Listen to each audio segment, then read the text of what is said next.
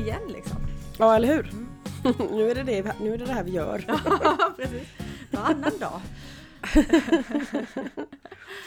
uh, men, uh, men jag har ju inte riktigt hunnit tänka så mycket. Nej. Jag har ju hunnit känna lite kanske, men uh, ingenting som går att prata om än. Nej, men så kan det ju absolut vara. Ja, och då har vi tur att vi har massa lyssnare som har ställt faktiskt många frågor nu. Ja. Väntar de sig några svar på de här frågorna? Um, eh, både och. Mm. Det är någon som säger ha ha ha som att ni är värsta psykologerna. Mm. Men underförstått att det är vi ju inte och det vet Nej, vi ju. det är vi ju verkligen inte. Men det, det, vi kan börja här med Sonjas fråga och hon har jättespännande frågor om eh, alltså att som människa eh, tillhöra en flock och hon pratar ganska mycket om eh, människoflocken då egentligen. Mm. och jag tror att jag läser dem för det är ändå en, en helhet och så har vi det som utgångspunkt. Mm. Är det viktigt att ingå i en fysisk flock som människa? Eller skulle vi kunna utveckla våra förmågor till att känna en tillhörighet i en icke-fysisk flock? Exempelvis så känner jag en slags tillhörighet i flocken som lyssnar på er, oss då. Mm. För att nå vår fulla potential behöver vi väl vara i vår rätta flock och att flocken har en sund kultur. När är det dags att överge sin fysiska flock för att något annat ropar på dig? Är eran erfarenhet att vi då hittar en ny flock? Mm. Vi kan återkomma till dem såklart om vi känner att vi behöver. Att vi måste ha en repetition. Ja. Mm. Nej men jag tänker att det är väl en flytande gräns på vad som är fysiskt och inte. Alltså det är ju vad... Eh, mm, ja, det är ju var, var man tänker sig att den liksom egna skapelsen börjar och slutar. Mm. Jag tänker på så här beröringsövningar med hästar. Liksom. Vissa får man ju vara en kilometer ifrån och andra inte. Eh, kontra liksom behovet av närhet som ju också verkar eh, vara väldigt relevant. Mm.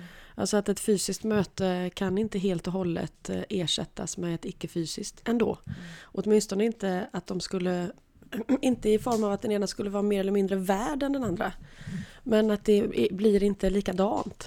Nej, precis. Ehm, så att, att det i någon bemärkelse behövs ett fysiskt sammanhang när vi befinner oss i en fysisk kropp. Men måste den vara mänsklig just? Eh, är ju kanske en, en annan fråga. Mm. Alltså det här eh, lite mer eh, vad ska man säga, vetenskapsbaserade. vi behöver ett antal nära fungerande relationer för att må bra som människor. Eh, kan man ju kanske inte vara så säker på att det skulle gälla varenda en av oss. Nej, precis. får man ju vara försiktig med att tro att man vet någonting om. ja, precis. Och sen eh, är det ju lite intressant det här med kultur för att det är klart, alltså djur har inte ett kulturellt uttryck riktigt så som vi har det. Alltså att kulturen blir en slags symbolisk spegling av en inre upplevd verklighet. De, eh, en, en häst, oavsett vilken del av världen den befinner sig i, eh, har ju ett väldigt likt förhållningssätt till sin omgivning. Det skulle aldrig gå att avgöra om den, det djuret man pratar med, vilken del av världen det befinner sig i. Mm. Annat än när, när eh, omgivningen beskrivs eller vissa händelser beskrivs eller så. Men då är det den mänskliga kulturen som beskrivs. Mm. Eh, och att en kultur kan vara destruktiv måste man väl kunna enas om ändå. Eh, och att eh, att man kan växa ur ett sammanhang. Liksom. Mm. Det, jag tänker på den här icke-hierarkiska ehm, flockvarianten på hästar där individens växt alltid på något sätt lyfter taket hos gruppen. Mm. Så att där växer du ju inte ur ditt sammanhang egentligen. Alltså det finns ju ingenting som håller dig tillbaka. Utan sammanhanget växer alltid med dig och du växer hela tiden med de andras upplevda sammanhang. Mm, eh, och det, det kan skilja sig ganska markant från en Ja, det kan det. Och, och där eh, uppstår ju inte den sortens destruktivitet som hämmar individens möjlighet att uttrycka sig själv. Mm. Men eh, kulturellt sett har vi ju otroligt många hämmande faktorer på vad man får och inte får och bör och inte bör och mm. manligt och kvinnligt och allt vad vi lägger i liksom. Det är klart att eh, Ehm, och det är ju också skälet till att Alltså den kulturen vi skapar kring hästar har så pass många hämmande faktorer att det är ju orsaken till att vi inte omplacerar några hästar. Mm. Liksom. Mm. Mm. Inte för att ingen annan skulle kunna ta hand om dem men för att ha dem vant sig vid ett sammanhang som ligger mycket nära deras natur. Så får man ha väldigt goda skäl att ta dem ur det och det, då får ju den drivkraften komma ifrån dem själva. Mm. Eh, vilket ännu inte har hänt då.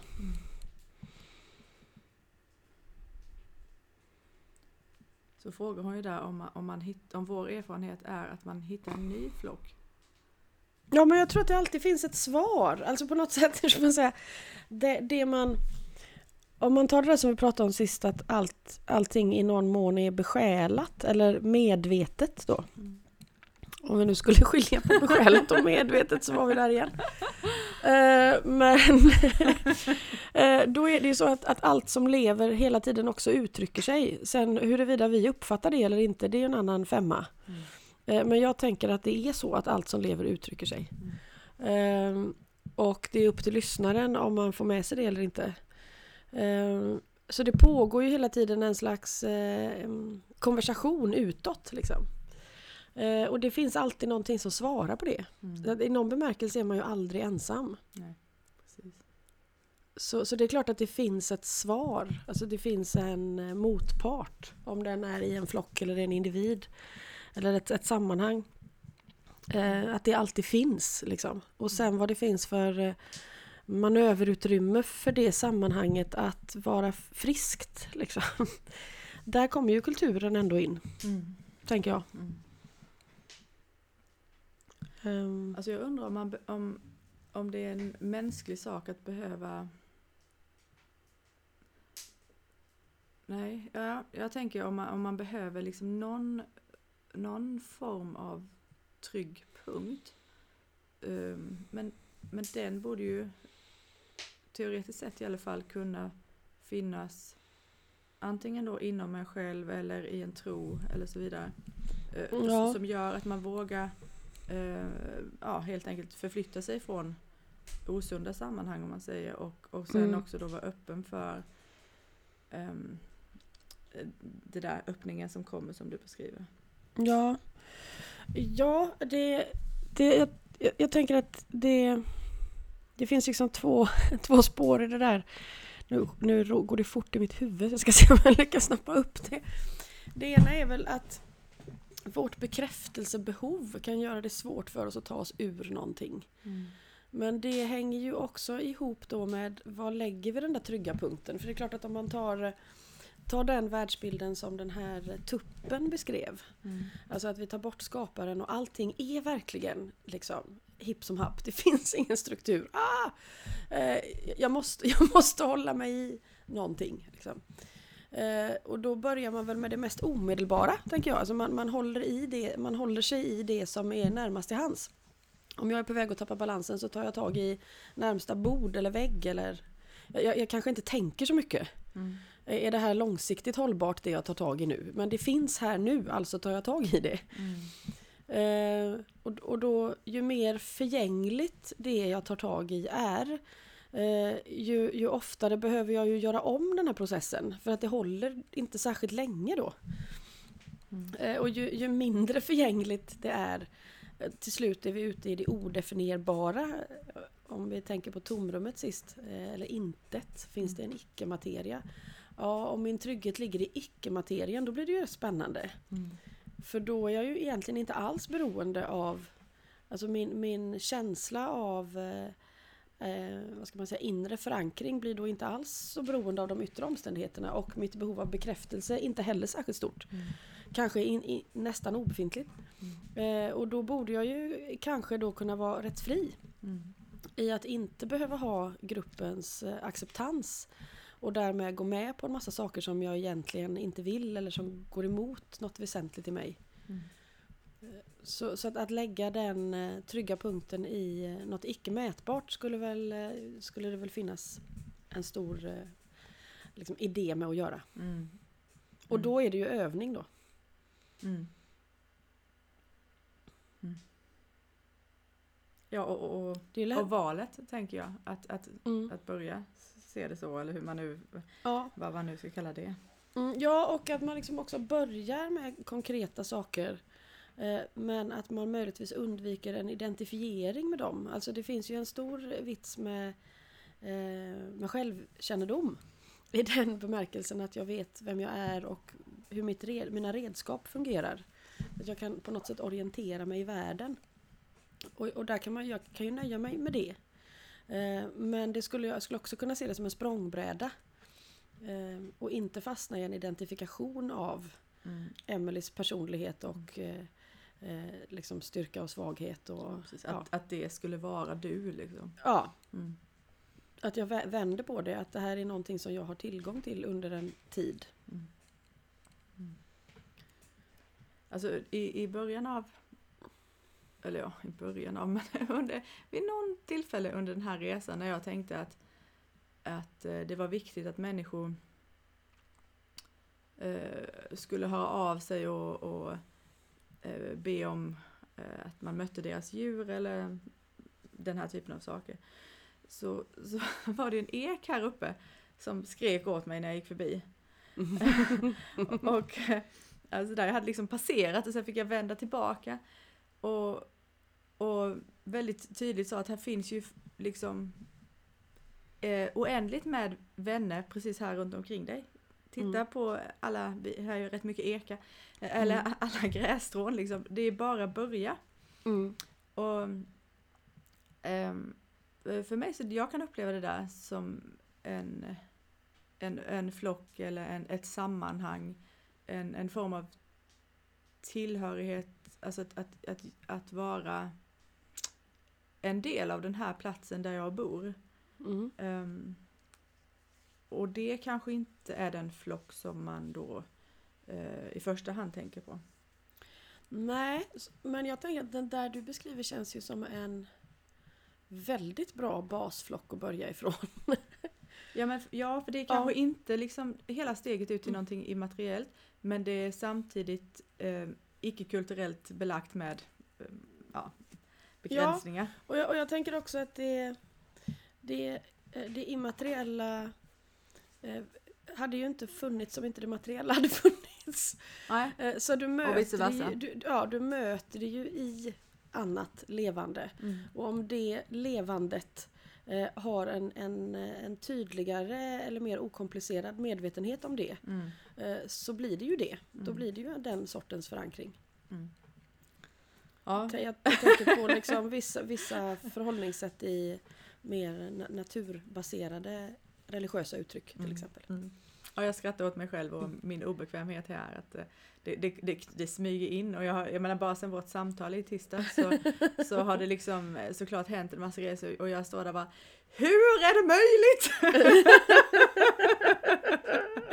och så tänker jag nej, skitsamma.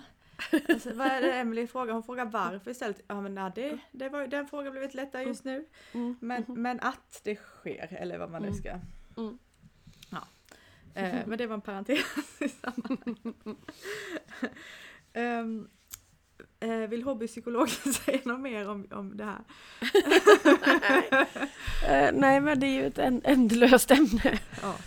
Men jag, jag, jag, tänker att mycket verkar ju handla om att vi, eh, om man går tillbaka lite till frågan där, men det här icke, det icke-linjära kontra det linjära, alltså att våra flockar har en, eh, alltså kulturellt sett, om man nu ser en människogrupp, eh, vi, vi, eh, det händer ju att vi bryter ner individer, så är det. Mm. det. På något sätt så blir det en motsättning mellan eh, gruppen och individen Mm. som inte uppstår i de här, särskilt inte hästflockar då som ju är det, det jag ägnar mig mest åt. Mm. Eh, och det där är ju intressant, varför, blir, varför gör vi så här? Mm. Varför, varför mal vi ner varandra i processen av att växa själva när det inte alls verkar vara nödvändigt? Nej, alltså, nej precis. Mm. För det, jag tänker det, det, är inte, det är inte bara bristen eller, eller avsaknaden av det där i en hästflock utan jag, jag vet att jag blev så förvånad när Aust beskrev det där att det, det är genom flocken som jag finns till. Eller blir Mm, absolut. Det, det är liksom inte bara Ja, de vänder det, är- nej, de, de vänder det hela varvet ja, runt. Ja, Liksom. De gör det. eh, Och där är inte vi. Nej. Men, eh, men det känns ju ändå hoppfullt att det är möjligt för då borde det ju förr eller senare kunna vara möjligt för oss också. Ja, precis. Det, alltså bara... Ja, men som, som du brukar säga, att det höjer taket även för oss. Liksom. Mm, det gör ju det. Hon har faktiskt en fråga till här som jag missade. Mm. Vad är ensamhet för en människa och hur navigerar vi och vilar vi i den? Mm. Ja, det där är ju svårt. Mm. Men jag tänker den ena versionen av ensamhet är ju det som, som djur eh, relaterar till som eh, att vi är mer isolerade. Alltså att vår, vår uppfattning av vårt eget jag har en tydlig, ett tydligare tuschstreck runt sig. Mm. Eh, och den ensamheten, när jag beskriver den eller försöker översätta den ifrån djur till någon, någon eh, part som ska höra det så brukar jag mer kalla det för isolering. Mm. För att det känns eh, som ett rimligare ord för den känslan eftersom det är en sån vägg där. Mm. Eh, och den isoleringen eh, ger ju lite olika spännande alternativ. Den, eh, en, ett alternativ är ju att man blir ofantligt ensam. Därför att man kommer varken in eller ut. Ingen annan kommer in eller ut.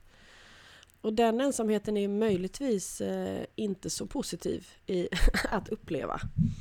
Eh, och skulle också kunna göra oss extremt oempatiska inför omgivningen för att vi tar inte in vad den andra upplever till exempel. Där verkar ju då empati vara själva dörren. Mm. Men sen finns det ju någonting i den där avgränsningen som gör att vi eh, får en massa valmöjligheter därför att det, det fattas en omedelbarhet. Om jag hela tiden hade, hade eh, agerat i enlighet med en större helhet och haft ett mindre ego och en mindre person så upplever jag ju en svindlande frihet i att inte sitta fast i mitt ego. Mm. Eh, Men när jag gör det, när jag sitter fast i isoleringen så kan jag ju välja. Där finns ju också möjlighet att bryta och det är ju inte bara destruktivt. Det är ju inte bara destruktiva val som kan göras där. Mm. Utan där kan ju också kreativa val göras. Så att det är någonting i den där isoleringen som eh, också är spännande att utforska. Mm. Men den gör oss ju huvudlösa eller alltså att vi, eh, vi kan ju verkligen skada vår omgivning utan att märka att det händer. Mm. Och det är väl det som gör att man eh, uppfattar den som problematisk. Mm. Men de, den har ju också en kreativ sida såklart. Mm. Jag tyckte det var Eh. spännande det du sa i förra avsnittet om, om hur de här, igen då, två sidor av samma mynt eller vad vi vill kalla det. Ehm, den här kraften som, som, som söker eh, Oberoende. oberoende ja. Mm. och den andra som söker mm, vad vi då, tillhörighet Mm. eller ehm, Mm. att uppgå i det i större. Eh, hur jag nu ska beskriva de två. Ja, och då, och då tänker jag att är, om, om en sån här skapelse uppstår då som har de här enorma valmöjligheterna eh, och eh, också då möjligheten att förgöra sig själv och andra. Så eh, det, det kan man ju välja hur man ser på det. Varför blir det så?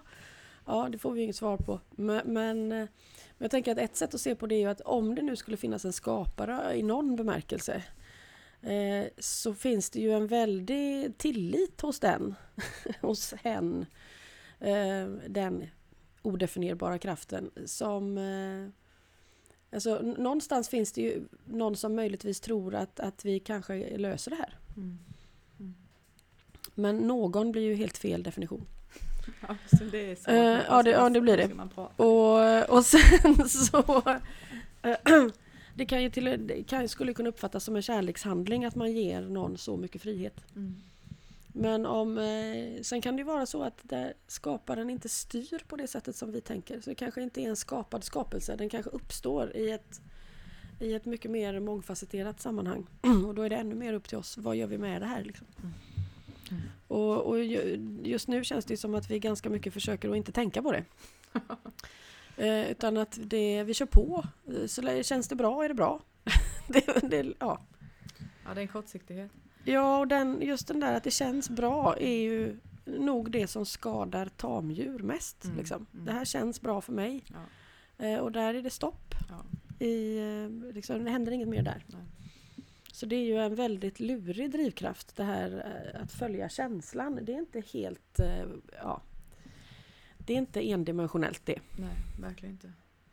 Eh, Den här frågan fick mig att tänka på, alltså jag, jag utgår ju mer från ehm, ja, andra mänskliga berättelser kanske än så länge. Mm. Mm, att man är ensam i, i sitt liv, liksom. Ja, nej. Bland människor. Ja, Det är ju en annan ensamhet. ja, det är en annan människa. Eller Mm. en annan ensamhet. Nej men jag tänker på, på eh, de andliga sökare som väljer att eh, eh, i, sitta i, i liksom självvald isolering i en grotta Mm, någonstans. Mm. Det är väldigt tilltalande. Det, å ena sidan och Mm. å andra sidan så är jag menar, att sätta någon i isoleringscell är ett straff när man redan sitter på en liksom, Mm. i fängelse. Så det är ju, då är det inte självvalt. då är det inte självvalt. Nej. Men, men det, som, det som är poängen då skulle man väl kunna säga med att sätta sig i den här grottan är ju att vad händer? Kan jag vara lycklig även om alla de här eller lycklig, men ja, mår bra då på något vis. Men jag tänker att man Trots kanske... att man har tagit ifrån alla de här traditionella idéerna om vad som skulle ge det. Kan jag hitta det? Mm. Men jag eh, tänker att man, man, man kanske helt enkelt inte sätter sig i grottan för att må bra. Det kan ju också vara så. Eh, jag, jag tänker att om det handlar om en ett andligt sökande eh, så är inte hur man mår så jätteintressant. Eh, för att måendet utspelar sig ju här, om jag är glad eller ledsen eller nöjd eller missnöjd eller så. Jag tänker att man sätter sig i grottan för att alla de, eh, för att det där har blivit ointressant. Mm, Eh, så att jag, jag, gör, jag gör det liksom inte för min egen upplevelses skull längre då. Utan jag gör det möjligtvis med lite samma desperation som, som jag ställde mig på grusvägen eh, liftandes och liksom Gud för fan visa dig liksom, eller gör någon form av, eh, ja nu har du chansen. Ha ihjäl mig om du vill. Eh, man, man har skalat bort allting annat när man ställer en sån fråga. Därför att man, allt annat har blivit ointressant. Du vill verkligen närmare någonting annat som du inte kan nå på egen hand. Nå, så någonstans eh, i den punkten så kan du liksom inte, inte styra upp det mer. Det finns inget mer jag kan göra. Liksom. Nu, nu är det bara att kasta sig på marken och på ett förnedrande sätt böna och be om det. Jag, det, det, det finns ingen, jag kan inte, det är inget värdigt kontrollerat uttryck längre utan nu är det bara för helvete. Liksom. Nu löser jag det inte längre. Mm. Eh, eller, eller nu vill jag verkligen veta. Eller nu vill jag inte ha det här andra, nu vill jag bara ha dig. Liksom. Eh, och då skulle ju grottan kunna hjälpa en att skala av allt, alla andra distraktioner. Men det väcker ändå frågorna här som... som Så, så ur mitt perspektiv ja, nu då. Ja, precis. Mm. Men, men det, det verkar ju, som du beskriver det nu, så verkar det ändå finnas en idé om att på andra sidan av det där Mm. uppstår någonting. Ehm, Inte nödvändigtvis. Eller uppstår ingenting. Eller, vad Mm. säga. eller försvinner saker Det kan, Eller det kan också vara att man bara behöver det. Alltså det kan vara att man bara har det ingenting behöver få, ut, behöver få uttrycka det. Okej, så det har... Ostört liksom och utan att eh, utan eh, idé, andras idéer kring detta. Till exempel. Ja, just det. Men ja, för du, du menar att det har ändå ingenting att göra med att man, man mår på ett visst sätt och vill må på ett annat eller, eller Jag tänker, att, jag, jag, men jag tänker att det kan vara så initialt. Mm. Alltså det finns ju någon, alltså, ja, alla orsaker till varför man börjar söka det immateriella Mm. är ju såklart individuellt. Det måste ju inte komma ur att man mår så dåligt i den här världen att man måste till någonting annat. Nej. Eh, I mitt fall har det ofta varit så. Men det betyder ju inte att det, det är inte den enda tänkbara drivkraften. Du kan ju ha en, en längtan oavsett liksom, som är starkare än Eh, och, och eh, gör att de här mer eh, kortsiktiga tillfredsställelserna ger inte så mycket. Alltså jag är ju med den, den andra Mm. där. Alltså jag, jag kan liksom inte skylla på några... Nej, några och det handlar inte om att skylla på. Nej, nej, det det ju menar jag att, inte. eh, Det jag det är att verkligen. mer att man s- konar in sig i ett hörn Ja, där ja. det inte är möjligt längre. Ja, nej förlåt, det var, det var klumpigt uttryckt. Man kan skylla på det, absolut. Ja, det, var, Det kan man. det var inte alls Men det är en annan historia. Nej, men det är en viktig aspekt. Ja, det är bra. Ja, det är. Ehm, nej men, men, men eh, jag kan nog inte, alltså jag vet inte, det kan hända att min drivkraft eh, därmed, vi kan väl bara säga att den är annorlunda då, eh, utan att lägga något mer i det. Ehm, men för jag tänker att man, att det, det borde ändå, alltså ett alternativ, precis som du säger, att, att du beskriver ditt perspektiv här, Mm. för det, jag antar att även ren nyfikenhet skulle kunna locka in en i den där grottan. Mm, Bara absolut. bli kvar liksom. Mm, absolut. Eh, och, och, Nyfikenhet är ju en extremt hållbar drivkraft eftersom den verkar ligga så nära livets natur. mm, mm. och ja, och någonstans där. Och nyfikenheten kräver ju inte heller ett mål. Alltså nyfikenheten skulle ju bli, bli lite besviken på ett mål. Ja och precis, nu är jag framme. Ja. Ja, det var inte det jag ville Nej, vara. Liksom. nej, nej. Men samtidigt så, för mig i alla fall så finns det ju en vila, om, man- om man, hon, hon frågar om, om man kan vila i ensamheten, Mm. och med hjälp av nyfikenheten. Alltså någonstans där, jag kan inte riktigt uttrycka det på ett tydligt sätt, Mm. men, men det, det kan gå hand i hand tror jag. Ja. Ja, och sen är det liksom... Sen tänker jag att det finns ju en ensamhet som, som är smärtsam och det är den ensamheten som består av att det inte finns något möte. Alltså att det finns ingen, vi pratar om bekräftelsebehov som något väldigt eh, negativt och det är det ju när det handlar om egots, eh, liksom hur vi väljer bekräftelse för att bibehålla en identifikation som ju ökar vårt lidande skulle man kunna säga. Mm. Mm.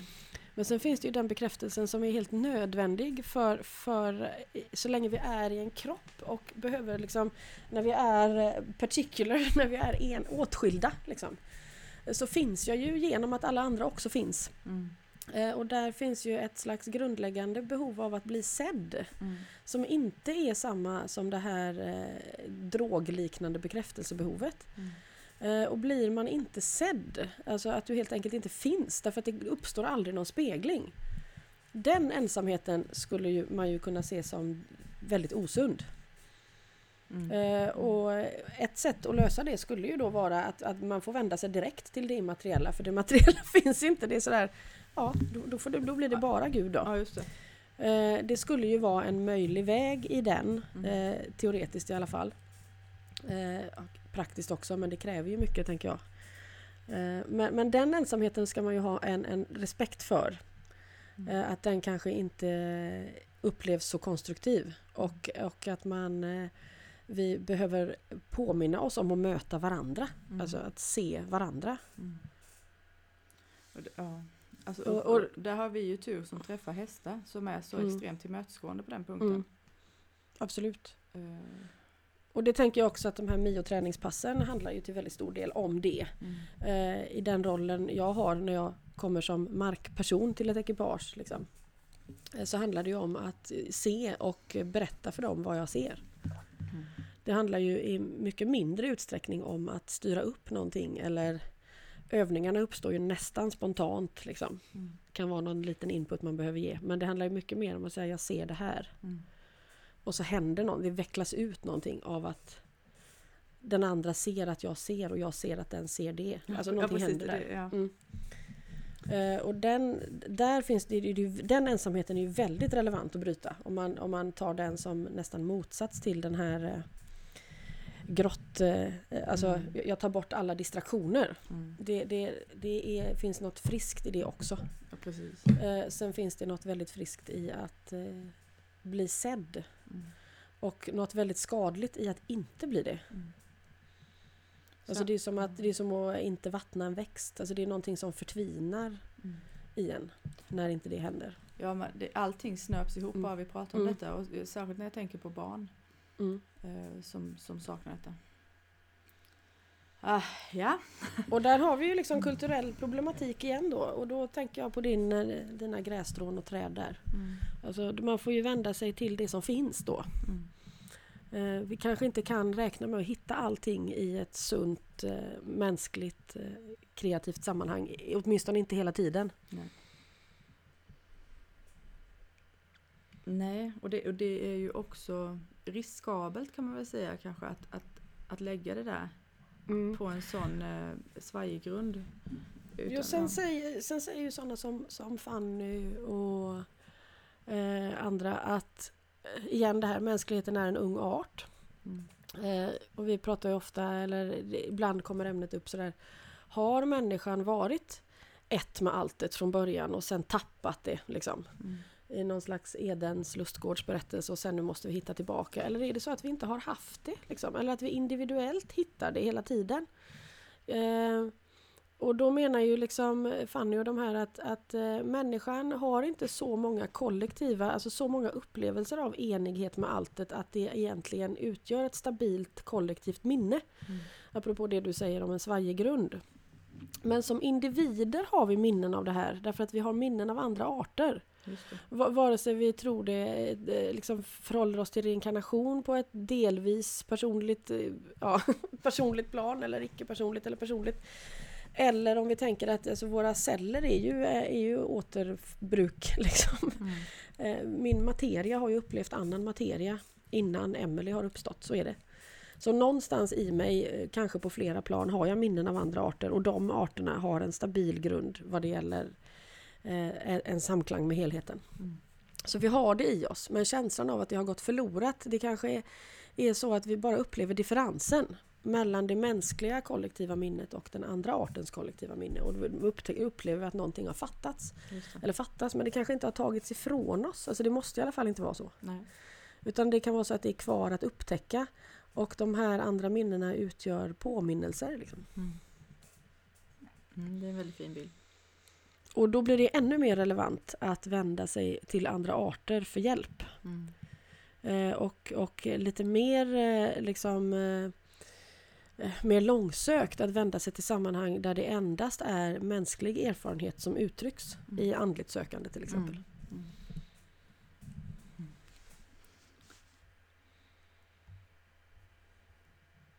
Jag kollar efter fler frågor, eller vad säger du?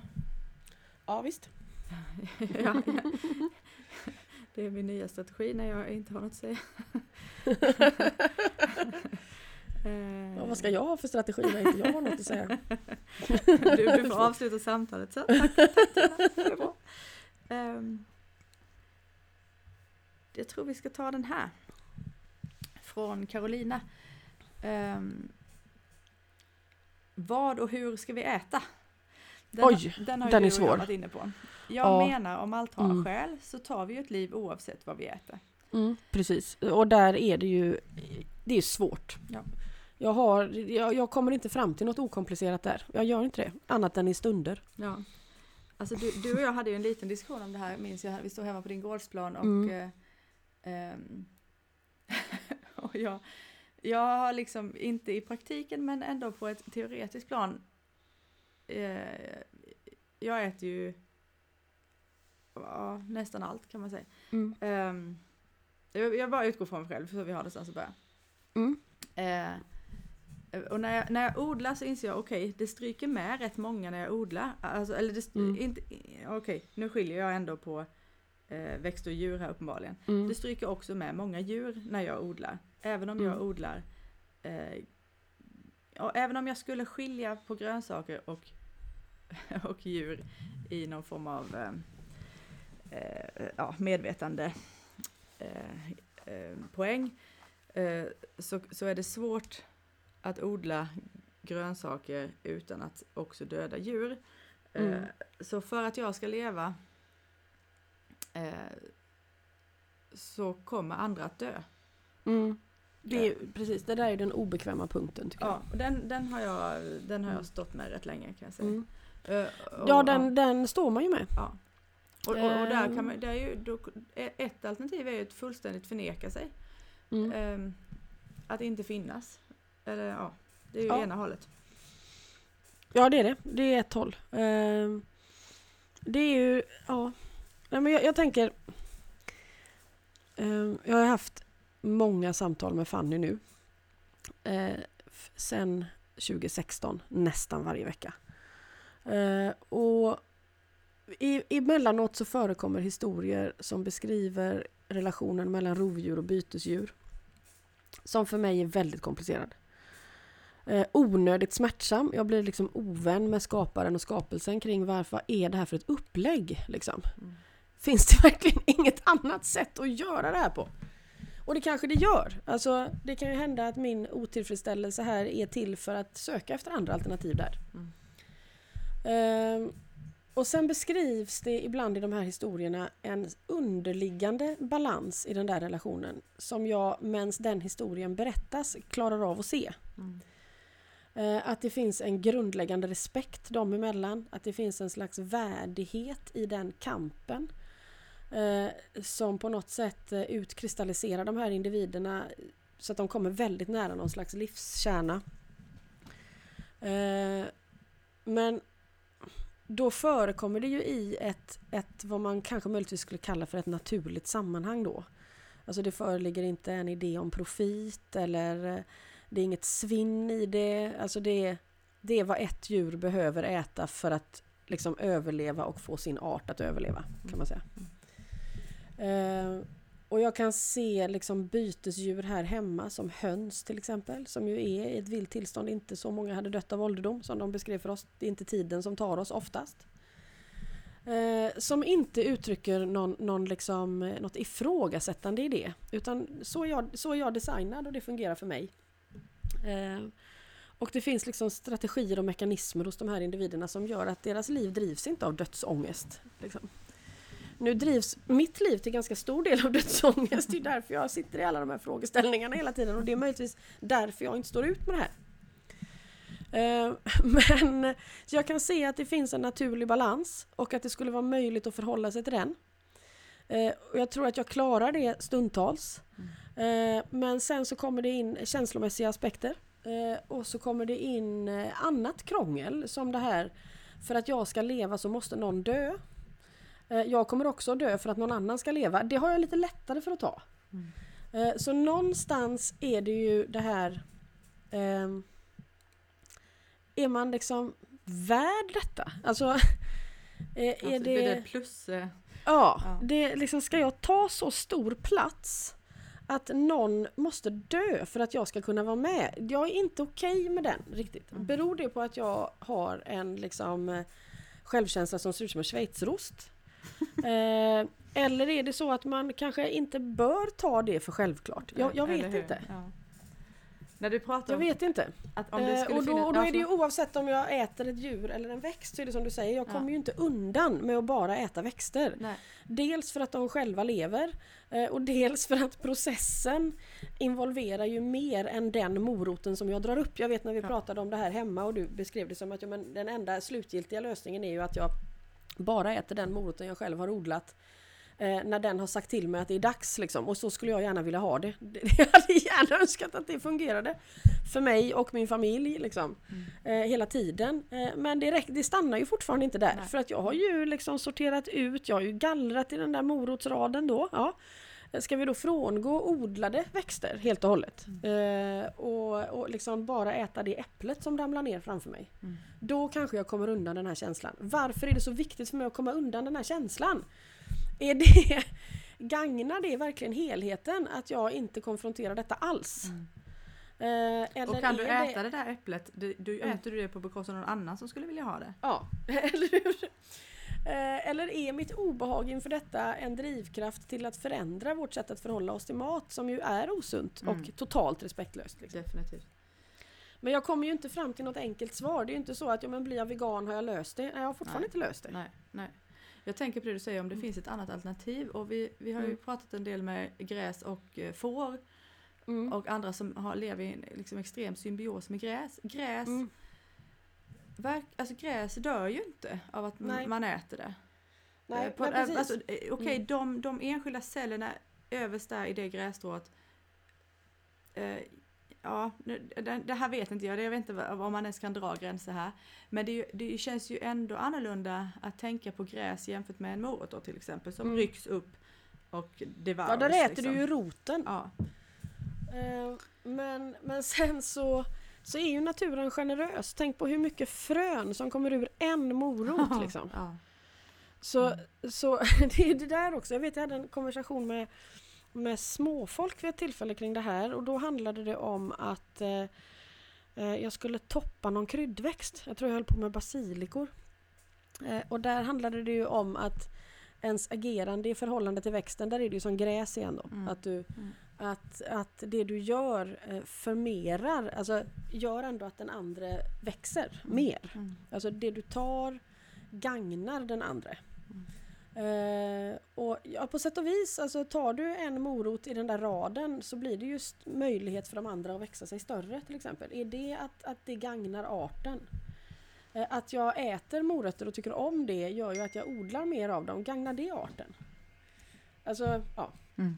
Men jag tänker att om idén är att mitt sätt att äta eh, ut, liksom, ger större utrymme för den jag äter. Skulle det vara möjligt? Det hade, då börjar det låta lite intressant. Liksom. Ja, för jag tänker också att vi behöver, alltså, eller svårigheten står ju här mellan att, att tänka i ekosystem eller större system Mm. och, och då på individen. Ja, Alltså, och, och ja. då igen till flockfrågan. För, för Ja. de andra arterna verkar ju inte detta vara en konflikt. Nej, Eh, men det är det för oss. precis. Och, och, och, ja, och, Och är kanske också för svårt att jag sitter i inte min isolering. Ja, Ja. kanske. Eh, För jag tänker att om morotens jag-upplevelse inte är så avgränsad som min så kommer moroten inte att uppleva sitt upphörande på samma dr- drastiska sätt, möjligtvis. Mm. Eh, Men, men jag skulle ju definitivt, alltså det är ju ändå så att när du skördar någonting i en trädgård så vet du ju vilka som är re- redo att gå och inte. Liksom. Och det är ju skillnaden med om du då tar ett egenodlat någonting. Ja, just det. Eh, Det kan du ju liksom inte riktigt göra i affären på samma sätt. Nej. Nej, man kan ju tänka på kolväxter till exempel. Ta, vänta, jag tänker Mm. på broccoli nu dök upp.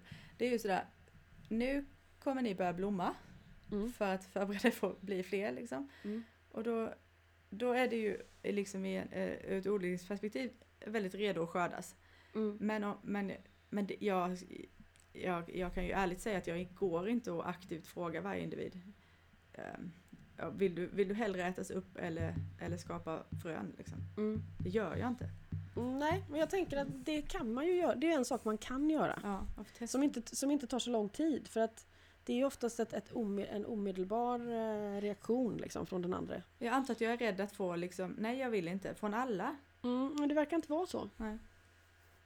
Men sen har, sen har jag också en teori. Därför att, det, därför att det finns den här generositeten. Mm. Att, att, det, att du lever ju i slutändan för att andra ska kunna leva. Det gör ju egentligen vi också. Ja. Alltså den här lyckoforskningen att du kan bara egentligen må bra genom Mm. att göra någon annan lycklig. Det Mm. finns egentligen ingen annan väg. Mm. Eh, Så, så att det, det, om vi inte ger så, så kan vi liksom inte komma vidare. Det gäller ju alla andra arter också. Men jag tänker att för oss är döden så slutgiltig att det, hur kan någon liksom säga given the choice, vill Mm. du bli uppäten eller stå kvar? Nej men jag kan gärna, jag, jag kan bli äten nu, det funkar. Det, det, det blir lite svårt för oss tror jag. Ja, jag måste prova. Jag måste verkligen Mm. öva på riktigt nästa, Mm. nästa säsong. Nu har jag inte så Mm. mycket som... Men för jag har ju en teoretisk idé om att jag också skulle kunna ta ihjäl större djur. Till exempel ehm, höns eller tuppar. Mm. För jag, för jag tänker om, om, för vilket jag ju nu gör, eller jag gör ju inte det ändå, men jag, jag, jag äter ju eh, kött ibland. Alltså, Mm. Och jag försöker att inte äta industri. Ja, men det är ju eh, samma, det är ju samma tanke Ja. här. Liksom, det, man behöver ju inte gå Mm. till, till idioti åt ena hållet. Liksom. Eller något håll kanske. Men, men jag tänker att jag, eh, då borde jag ju ändå kunna... Jag, jag har ju bett någon annan ta ihjäl någon som jag ska äta. Mm. Att, att inte göra det själv känns eh, som ehm, eh, hyckleri. Ja, jag, jag förstår den tanken och så upplever jag det också. Jag har vid ett tillfälle ätit ett djur som har levt här. Mm. Eh, där, och det, den historien är med i Sandra och tiden. Men det var en jättestor oxe som, eh, som eh, fick väldigt ont i sina framben. Alltså så pass ont i sina framben att han tyckte att nu räcker det nog med den här kroppen. Han var väldigt stor. Mm. Eh, och han, var, han envisades med det där och jag var inte, tyckte det här var jobbigt. Han tyckte Som- att, att ni skulle äta honom? Eller att han, Eh, att ja, han bara ja. ville dö? Eller? Ja, han tyckte att han var klar med sin kropp Mm. och i det så fanns det också ett uttryck om att hans kropp var ju en gåva. Liksom. Mm. Alltså att han var klar för att gå och att då inte ta vara på den här gåvan skulle ju Mm. vara ganska absurt och, och framförallt hade det ju varit att vanhedra honom på något sätt. Mm. Eh, men så att av liksom skälet att han hade ont och ville avsluta så, så gick det att ta bort honom. Det, det steget klarade jag. Liksom. Jag måste bara avbryta där för att det är ju inte bara vanhedra honom om man nu säger inom Det är ju Mm. också alla som har bidragit till att bygga upp det som Mm. var hans fysiska Absolut. kropp. Liksom. Absolut. Och då, eh, ja men jag håller helt med. Och det var en väldigt fin liksom, händelse, han var ju verkligen klar för att gå och sådär. Men så fort han var död, så, så fort själen hade lämnat, då, eh, då kom den där känslan väldigt starkt för mig. Eh, Innan hade det varit en konflikt. Liksom. Eh, Vi, vi har ju varit vänner, du är född här. Liksom. Jag kan inte Mm. stoppa i, jag kan inte äta upp dig, det går inte. Men så fort han inte var där längre så Mm. blev det väldigt uppenbart tvärtom. Mm. Eh, Så vi använde ju varenda detalj av den här kroppen. Mm. Det liksom tömde ut tarmarna så att liksom hundarna kunde äta dem och ja, gjorde en liksom fäll av pälsen. Ja, Mm. eh, använde allt köttet som vi liksom åt, inte jätteofta, men med en väldigt... Det var väldigt gott och det var en väldigt... Eh, det kändes verkligen som att ha fått en gåva. Liksom. Mm. Alltså det var en, en speciell känsla att göra det. Mm. Så eh, med den erfarenheten så kan man ju säga att ja, när någon är redo att gå så är det liksom att säga nej till den generositeten skulle bli ett väldigt märkligt svinn. Mm. Men sen är det, ja, skulle jag kunna äta en individ som jag står ännu närmare? Skulle jag kunna äta upp en häst som jag har varit ute på ridturer med liksom, i 20 Mm. år? Mm. Nej, där går nog min gräns liksom. Men, men, eh, men skulle man liksom låta någon annan äta upp det? Ja, e- egentligen. Det, det finns ju liksom, eh, egentligen så känns det ju väldigt märkligt när vi avlivar hästar till exempel. Som är färdiga och det är helt som det ska att Mm. vi går och gräver ner kroppen. Mm. Det tycker jag är, in, känns inte bra. Mm. Men eh, vi kommer inte undan det regelverket helt enkelt. Och kulturellt sett Mm. så fungerar inte alternativet att lägga ut den här kroppen på skogen så att vilda djur kan få ta del av köttet som jag hade känt som det absolut bästa att göra. Mm. Alltså, jag, jag har faktiskt ställt jag, den, eller jag, i, i, i diskussion med Oskar. Mm. Ehm, nu vet inte jag om det, alltså jag vet, det, det känns ju, spontant känns det ju precis som du säger väldigt svårt. Och sen är det ju också med hästar har vi oftast medicinerat, han är ju liksom säkert medicinerad Mm. med allt möjligt. Oftast, eh, vallackar när de kastreras får de oftast någonting som gör att det blir att de inte ska gå till mänsklig konsumtion. Men det kanske man skulle kunna strunta i å ena sidan. Ja, alltså det beror ju på hur det, tar- det försvinner ju ur kroppen till slut. Ja. Men, men eh, Ja precis, Men vi har ju- skillnaden var har ju 25 och haft, var eh, 4. Mm. vi har haft eh, avlivat djur som verkligen inte har någonting i kroppen. Mm. Och då blir det ju, ska man liksom kassera den här näringen? Mm. Det är ju eh, galet liksom. Mm. Mm. Och det är ju inte alls vad de själva hade kanske, ja. Det hade ju inte, hänt, det hade ju inte blivit så Nej. under naturliga omständigheter. Nej, precis. Ehm. Ja, det, det, är, det är ju också egentligen spännande att, att, att titta på var i liksom motståndet eh, består. Eller ja, hur, hur, hur Mm. kommer det sig? Är det som att, är det som att för det är ju, det är ju liksom precis som du säger, vi har en gåva här.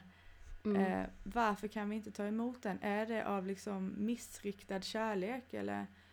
Ja, förstår du hur jag, hur jag tänker? Vad, Mm. vad är det som stoppar? Mm. Är det kulturen igen?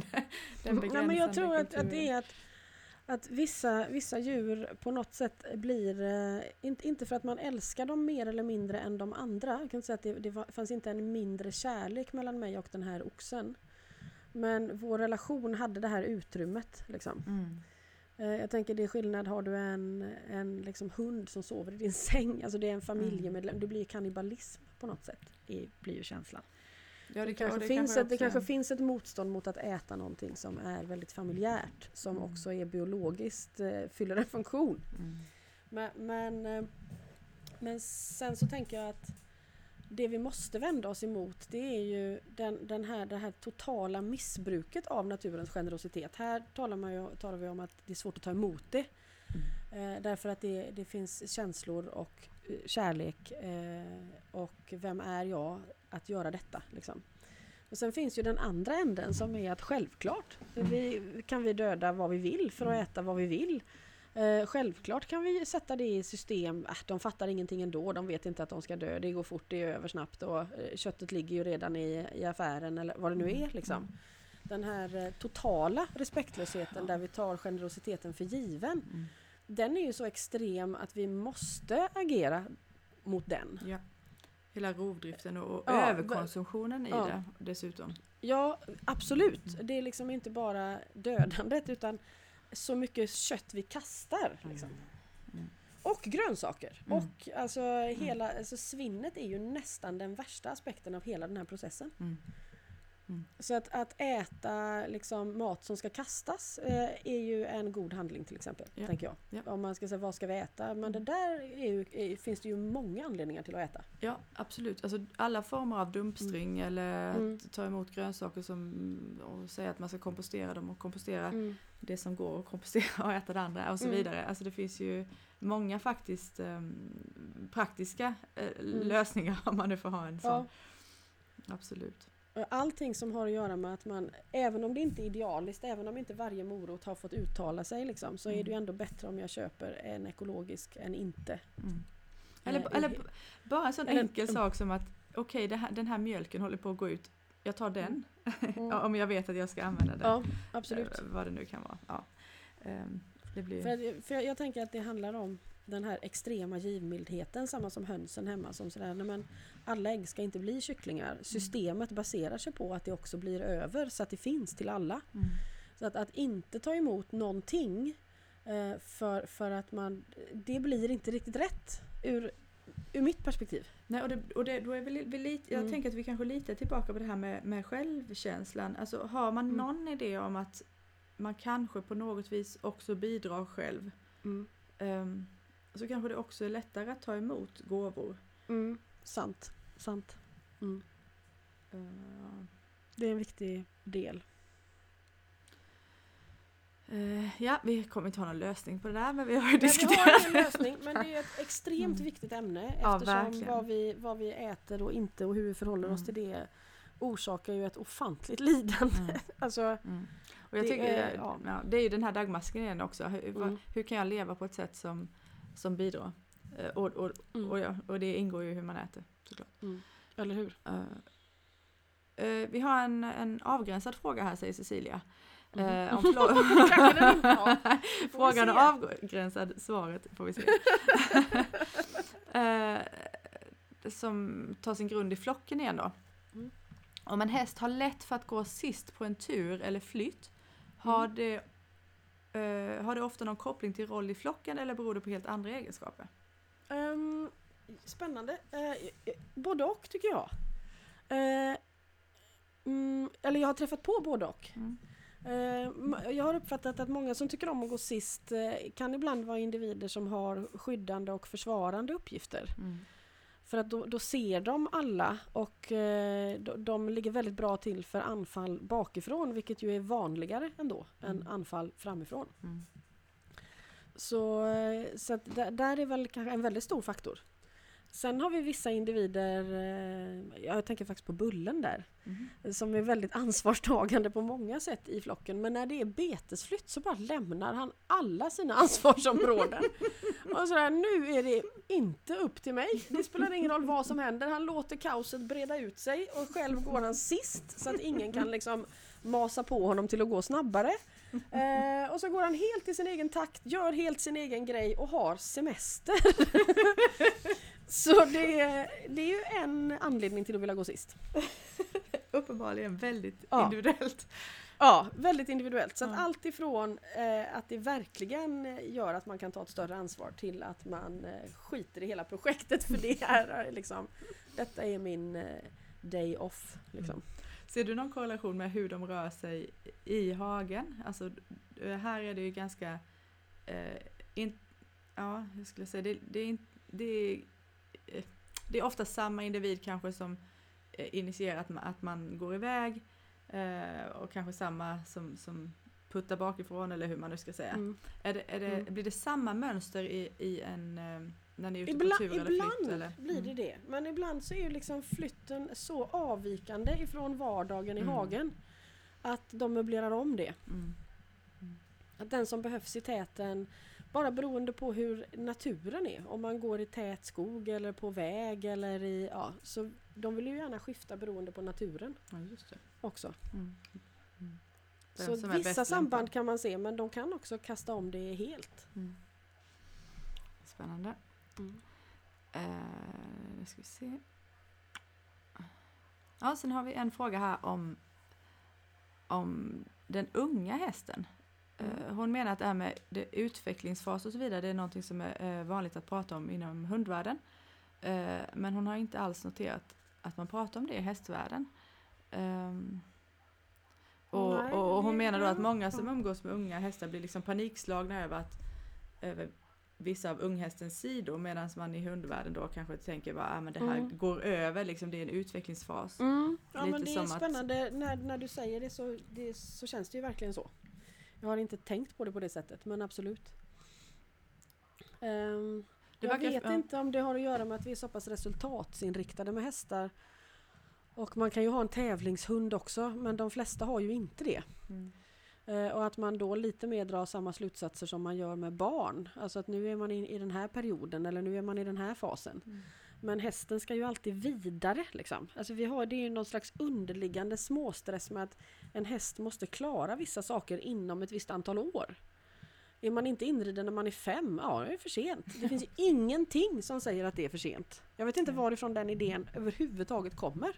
Nej, och varför man har de här unghästtävlingarna eh, Ja. och liksom mål i, eh, ja, det, det, det är väl det tror jag som är förhärskande fortfarande i Mm. utbildningarna att eh, man ska ha uppnått vissa utbildningsmål Ja, vid en viss ålder och så vidare. Särskilt om du har en häst av liksom halvblodstyp. Ja, ja, då. precis, det- precis. Så där är ju det väldigt tydligt men det finns ju i andra sammanhang också. Mm.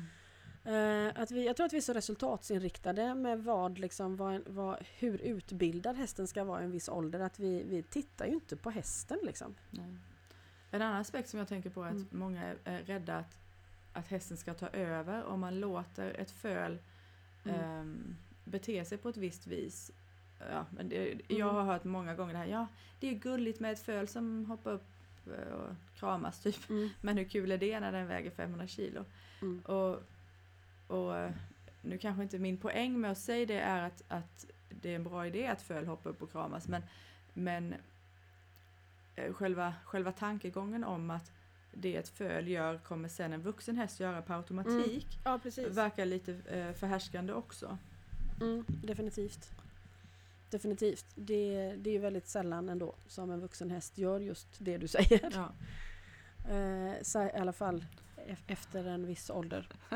Och det Nej, beror ju då så- på att alla människor ja, nej, Ja, nej, det gör ju faktiskt inte nej, det. nej, Vi har ju inte gjort så med våra till nej, exempel. nej, precis. Eller de som bor här. Nej. Men, men ehm, det är väl också att ja, de hamnar ju ur ett naturligt sammanhang ganska fort. Alltså vi skiljer dem ju också ifrån mamman så tidigt. Att det naturliga som hade hänt där händer ju till exempel inte. Alltså, vi Nej. har ju en idé om att det är väldigt skadligt om de diar för länge och det, det kan ju hända att mamman behöver ett break Mm. rent fysiologiskt. Men att det skulle vara skadligt för liksom fölets psyke på något sätt att skapa någon form av beroende. Jag vet inte varför vi vill att de... Vi vill ju flytta dem ifrån sitt sammanhang så att de istället lägger sitt beroende på oss. Mm. Och det verkar vara att vi blir lite rädda för att missar vi det tåget eller gör det för sent så kanske det inte går längre. Mm. Alltså att vi behöver ha någon slags viss hjälplöshet när vi vill prägla dem på oss. Ja, just det. Eh, och, och därför så, så den naturliga cykeln eh, studerar vi inte på det sättet då heller. det, man, man utgår från en deprivation och sen så ska Mm. lägga till, ja usch. Ehm, men ni har ju ändå haft uh, rätt många föl hos er och som Mm. har fötts hos er. Och jag, eh, jag, ehm, Jenny, en av tjejerna på kursen, berättade om hur ni var, eh, Sara och du, hos veterinären med ehm, Savanna. Ja precis, och Mm. fick så mycket beröm för henne. Ja, Hon var så vältränad och trygg och det ena med det tredje. Ja, det var roligt. Savanna var, jag vet inte hur gammal hon var, kan hon ha varit över på sommaren? Hon kanske var ett och ett halvt? Två? Mm. Ja, något, något sånt. Hon är ju född på våren.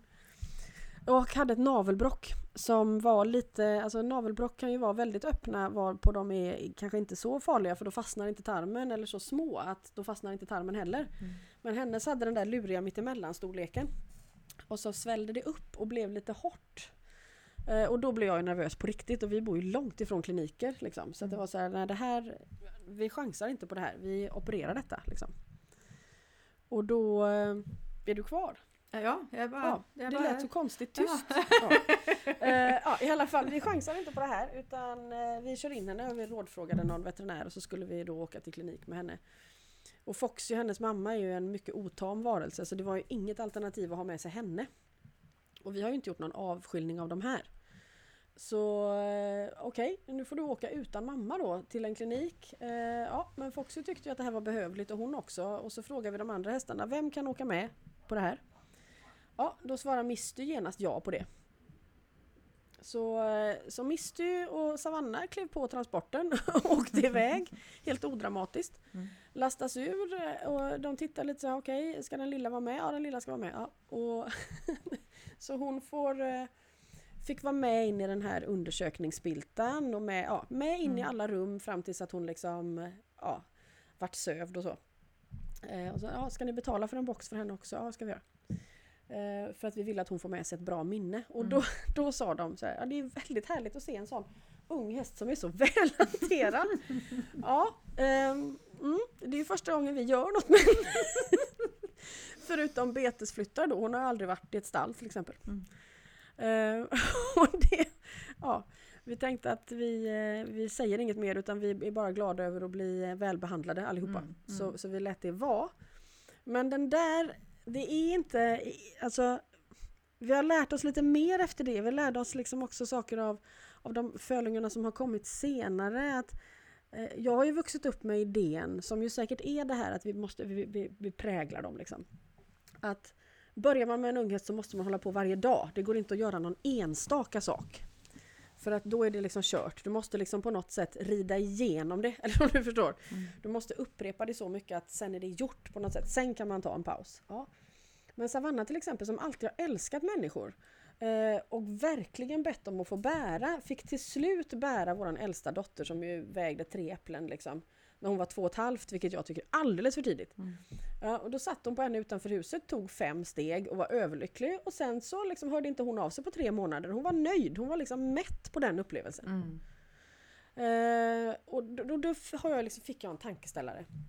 Och samma med de här som men vi måste lyfta benen varje dag annars går det inte. Och det blir ett större och större motstånd. Eller alternativt de bara okej jag ger upp det här händer varje dag vad jag än gör så att jag går väl med på det. Mm. Eh, men sådana hästar som, som Celeste som vi har gjort väldigt lite med blir extremt nyfiken på människor. Eh, så att liksom på något sätt om vi inte pushar det så hårt eller inte uttrycker den här bristen på tillit, alltså om jag inte gör det här varje dag så rinner det iväg. Mm. Därför att jag på något sätt tänker att mm, det är som att jag måste betvinga naturen. Mm. Och så fort jag inte gör det så kommer den återgå till sitt vilda tillstånd.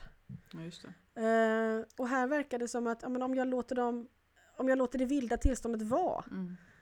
eh, så, så uppstår det en nyfikenhet. Därför att de vet att de alltid kan återgå, de sitter inte fast. Eh, Savanna är inte rädd för att bli instängd för att hon, hon är aldrig det. Så att en transport är inte så farlig. Mm. Det, det, som, det, det, kan, vara, det kan vara totalt tvärtom. Mm. Och, det, och det blir ett eh, ärligare möte. Mm. Eller ja, hur, hur jag ska uttrycka det. Men Ja, det Nej, bygger och ju inte då på eh, eh, makten. nej.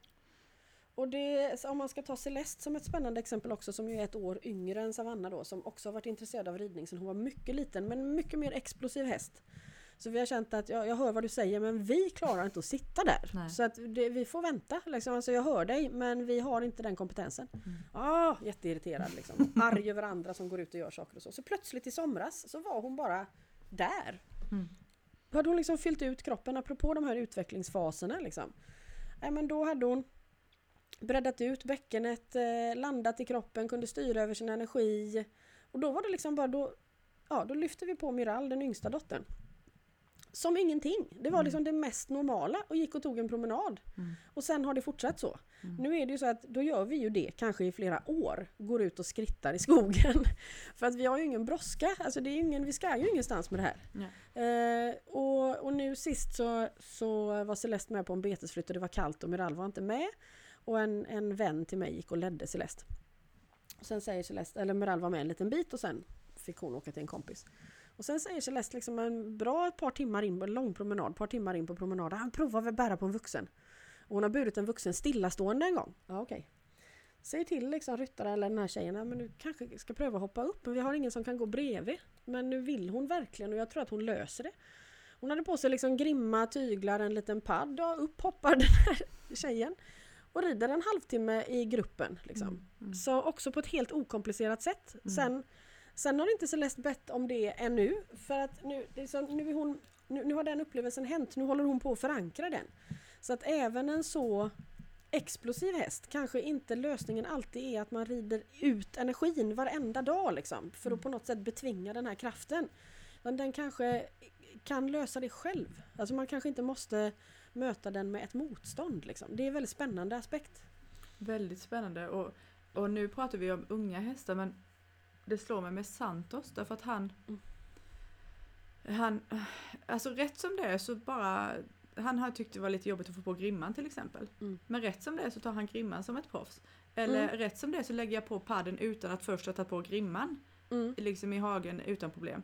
Mm. Och, och där, det, det slog mig lite grann att jag det kanske kan vara så att jag inte heller ska forcera det här med att sitta upp utan jag kommer ha en känsla av Mm. Eh, när, när, när även det skulle vara den där Mm. okomplicerade grejen, precis som du beskriver med Celeste, att Mm. rätt som det eh, så är de där liksom. Eller hur? Och, och då gäller det kanske att man då upptäcker det. Men hon som satt där då eh, var ju verkligen också sådär, ja, ja det här hade man kanske inte väntat sig att sitta på en oinriden fyraåring i en grimma i skogen. Men, men tänk att man får lov! Alltså Ja. hon var väldigt tacksam. Så att de två aspekterna av att hon hade noll förväntan, hade Mm. inte räknat med detta alls. Mm. Eh, och att hon inte tog det för givet när hon satt där heller. Alltså Mm. de två bitarna blir ju nog väldigt relevanta i sammanhanget. Mm, det tror jag med.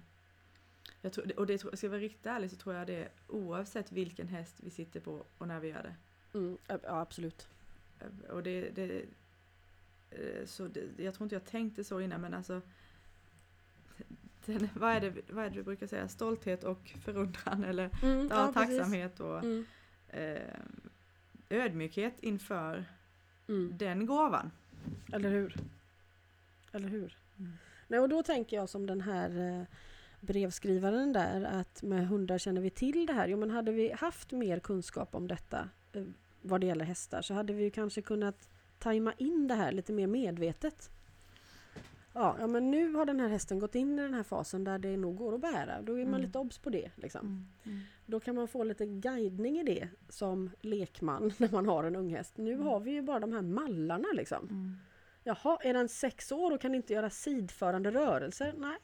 Eller ja, det kan den ju, men kanske inte just ihop med mig. Nej, kanske inte, Eller- inte på, på, på eh, order. Inte Nej. på order, nej. Så, Nej. så det där är ju...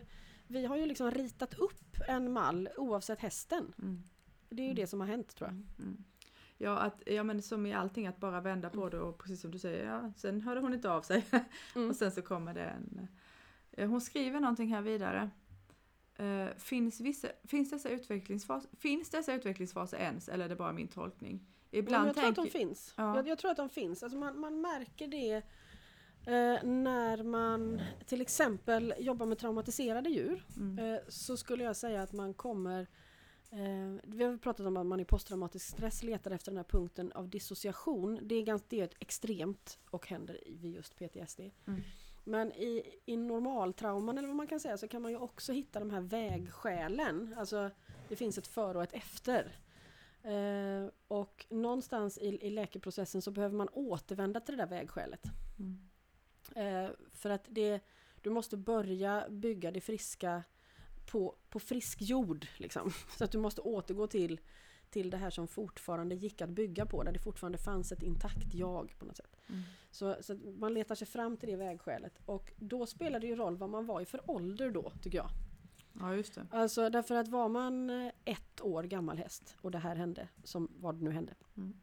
Så är det där du är, det är därifrån du börjar bygga. Och då ser man ju i processen att den hästen, hur gammal den än är vid, vid liksom tillfället, börjar bete sig som en ettårig häst. Mm.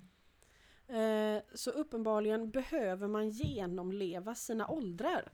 Sen är, sen är ju inte den hästen ett år i ett års tid. Men den går igenom dynamiken av vad en ettårig häst upplever för att återuppbygga sig. Så att får du inte chansen att vara tonåring när du är tonåring eller barn när du är barn eller vad det nu är. Så du, behö, du behöver ju ändå uppleva det. Du kan inte hoppa över det. Liksom. Nej, det, och det tror jag, hon, hon fortsätter här med Mm. just att medvetandet skulle vara en konstant. Jag tror du svarar på det just i att Mm. även medvetandet måste hänga med i den. Det har Mm, inte ja. bara med den fysiska kroppen att göra. Nej, nej, utan det behöver liksom på något sätt registreras. Alltså Mm. det behöver och, Upplevas och, och det, det, är en bygg, det är en av många byggstenar. Och när vi kräver väldigt mycket av väldigt unga individer, och det gör vi också på människor nu. Så det är kanske inte så underligt att vi gör det på våra djur också, vi gör ju det med våra barn med. Mm. Så, så, eh, så riskerar vi ju att de inte blir färdiga i de här stegen. Mm. Och så blir de här eh, hålrummen kvar. Och apropå det här att man säger att en unghäst får man liksom inte, ja du måste köra på. Säger inte att det inte passar, det kanske visst passar vissa individer. Man kan inte säga att det är så tycker jag. Nej. Eh, och så kör man på och sen tar man en paus. Och sen efter den pausen så fungerar ingenting. Det är ganska vanligt. Mm. Eh, därför att det är liksom Du måste tillbaka igen. Du måste tillbaka i de här hålrummen. Eh, därför att du inte helt enkelt upplevde din ålder. Då är det ganska vanligt att då tar man ett föl på dem. Om det är ston så tar man föl på dem väldigt tidigt då. Så att man inte slösar bort den här viloperioden. just. Så då får du också, går du in i en roll väldigt tidigt i livet Mm. innan ditt eget skelett är färdigvuxet och Ja, så. ja. Och sen ska den fölungen frånskiljas och säljas och sen ska du bli en tävlingshäst. Så det, det är många delar där som är problematiska. Ja, och, och jag menar, det är bara att gå tillbaka till sig själv och säga att det är inte bara en fysisk process att få barn. Nej, nej, nej. Det är Eller skiljas från dem då Ja. om man ska... Ja. Ja. Ja, ja visst. Mm. Ja, det är mycket som är tankefel eller vad man nu Mm. vågar kalla det. Ja, att vi... Just att vi har den där mallen. Mm. Alltså i, på ett sätt är det ju rovdriften igen. Mm. Vi tar ett föl, så precis som du säger, så de inte går outnyttjade. Ja, och det, det uttalar man ju ofta. Liksom. Mm. Mm. Man inte slösar bort det året då till Mm. ingenting. Mm. Ja, eller till och med Mm. avelston som går tomma, bara att ha ett Mm. sånt uttryck. Liksom. Ja, det behöver vi inte on- ondgöra oss över kanske. I, Nej, men det är ju relevant ur det här, alltså har vi rätt att utnyttja naturen? mm. Eh, har vi, eller, eller borde vi inte delta alls? och så behöver vi hitta, vi måste hitta oss själva som art i den här ekvationen. Precis. Det har vi inte gjort. Jag tror det är en jätteviktig poäng därför att Mm. eh, ehm, därför att det, det kommer väldigt lite konstruktivitet i att, att på något vis ha idén om att man kan skilja sig från naturen, att, alltså att vi Mm. inte skulle vara en del av det. Mm. Och jag vet Nej, att vi har haft det uppe många gånger men, men Mm. det tål att upprepas tror jag. Mm. Vi behöver vara en, en konstruktiv del. Liksom. Mhm. Och vi behöver hitta hur det ser ut, för det är ju inte eh, uppenbart. Nej, det är det inte. Eh, vi är ju inte framme där heller, Nej. kan man ju inte säga. Nej. Nej, bara lyssna på det här timmes Mm. samtal så, så hörs det att vi, vi kämpar liksom. Mm. Um, och det får Och vi sen tänker jag att det också är bra med de som eh, hårddrar det. Om man tänker veganer till exempel. Eh, där, därför att de, de, de ställer ut frågan väldigt tydligt på bordet. Eh, Det tycker jag är bra. Absolut, alltså eh, man kan ju tänka sig hur det hade sett ut om inte veganismrörelsen hade funnits. Hur, Ja, alltså, är alternativet är ju inte Mm. precis eh, attraktivt. Nej, nej, nej. Eh, det är väldigt, väldigt viktigt. Ehm. det finns eh, inga mer frågor på min lapp. Eh, vi har också pratat länge. Ja, ja men det, det är möjligt att det är... Ja, vi, vi, vi kommer ingen vart. Man kan väl säga så här att vi kommer ju inte kunna knyta ihop någon säck. Liksom. Nej, någon säck knyts inte ihop. Det, utan den har, den har spretat ut nu istället. Det har blivit många småpåsar, Ja, osammanhängande. ja. Eh, och det är bra, för då Mm. kan man ju se vad som händer nästa gång. Mm, precis. Ja, tack för era frågor. Det är, det är jättekul tycker jag. Ja, det är det. Att hålla den här dialogen Mm. liksom, um, mångfacetterad. Mm. Eh, så bara keep them coming så, så blir det ett sånt här avsnitt. eh, Mm. När det blir. ja, precis. Ja,